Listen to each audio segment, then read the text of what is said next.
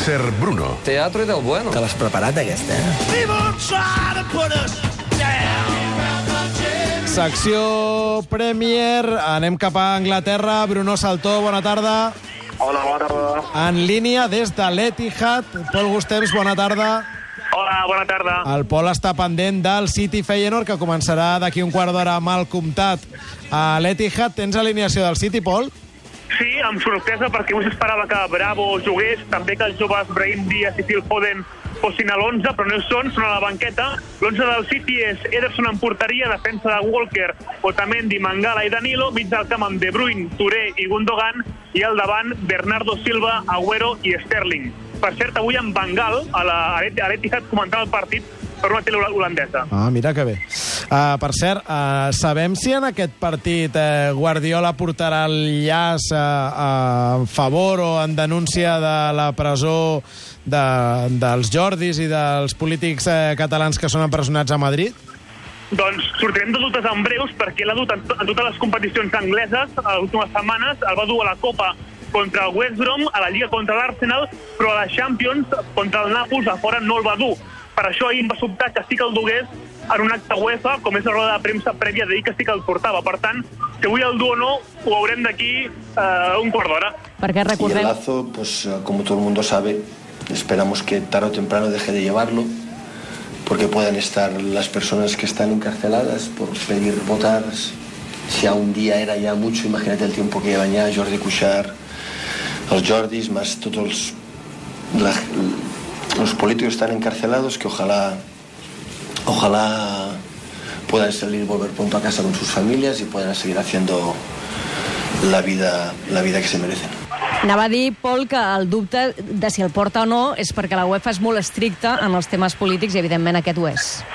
Esclar, si, si el deixen o no el deixen, perquè la voluntat eh, crec que hi és i, evidentment, ahir ja ho va dir, que el duria fins que fos necessari i que, que espera dur-lo com a que hem de el mínim temps possible perquè es resolgui la situació. Al marge d'aquesta qüestió político-social, el City va llançat a la Premier i, i aquesta setmana, eh, corregiu-me, Pol, Bruno, el retorn de Zlatan Ibrahimovic després d'una gravíssima lesió als 36 anys és eh, la notícia a la Premier. Sí, està clar, no? Jo crec que és, eh, és la notícia d'aquesta setmana, junt amb el derbi londinenc. Eh, bueno, se'l va veure una miqueta fora de forma. Nosaltres juguem contra ells el dissabte, esperem que, que continuï així. Eh, però no, sí que és veritat que, que és un jugador que, que, que bueno, ja sabem de les seves qualitats, eh, però li costarà una mica de temps agafar el ritme i veurem si Mourinho li dona els minuts perquè l'agafi el abans possible. Mm, També volia destacar, i aprofito que el Dani és aquí, la trajectòria de l'Arsenal. Eh, No està bé, sisè, però la victòria contra el Tottenham del cap de setmana indica que els de Wenger no estan fora de, de la cursa, és a dir, són allà, no per guanyar la Lliga, perquè estan molt lluny del City, però estan, per exemple, a 4 punts de, del United.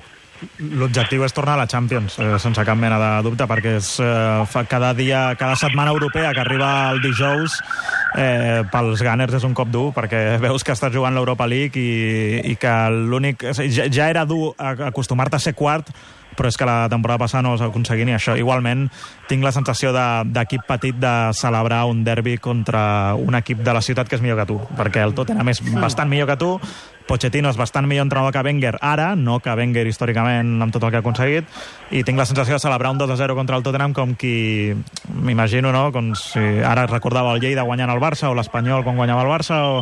doncs tinc aquesta sensació i no, no és la sensació que hauria de correspondre a l'Arsenal. El Bruno juga en un equip modest. No sé com es veu a l'Arsenal, que, que des d'aquí, des de la distància, li hem posat l'etiqueta de, de club gran, però club perdedor.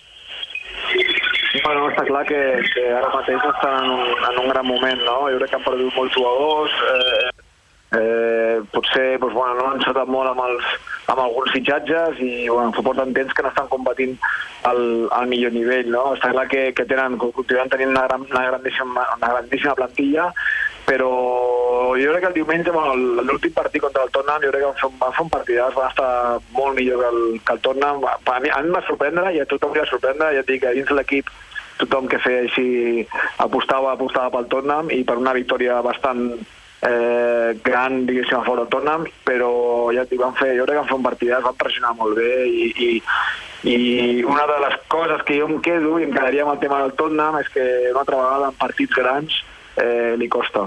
Uh, per cert, uh, ara parlàvem d'Osil. Tu, si fossis director esportiu d'un equip, fitxaries Osil, Bruno?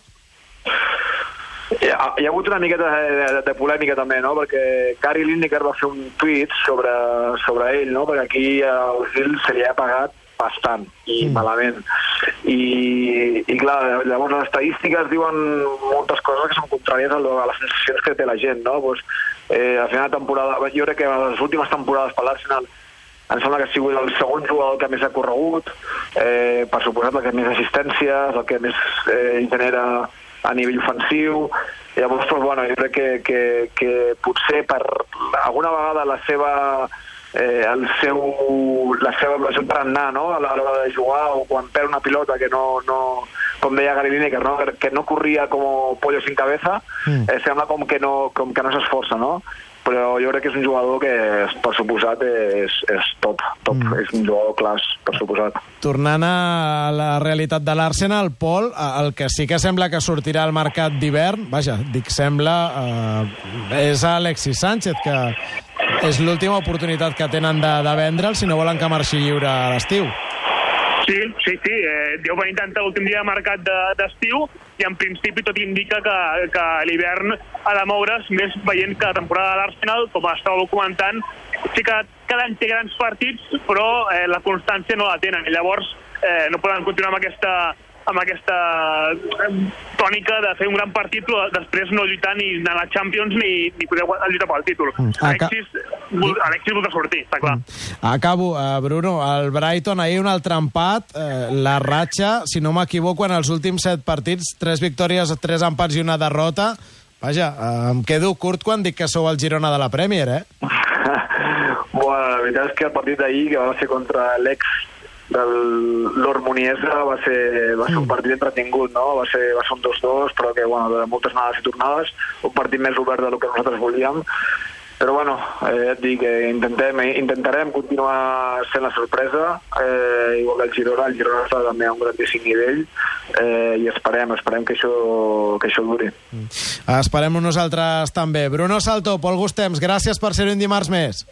Vale, gràcies a vosaltres. I gràcies també al Dani Sanabra i al Marcos López, els nostres uh, tertulians d'aquest dimarts. Un plaer, com Un plaer sempre. per mi també, gràcies. Hasta luego.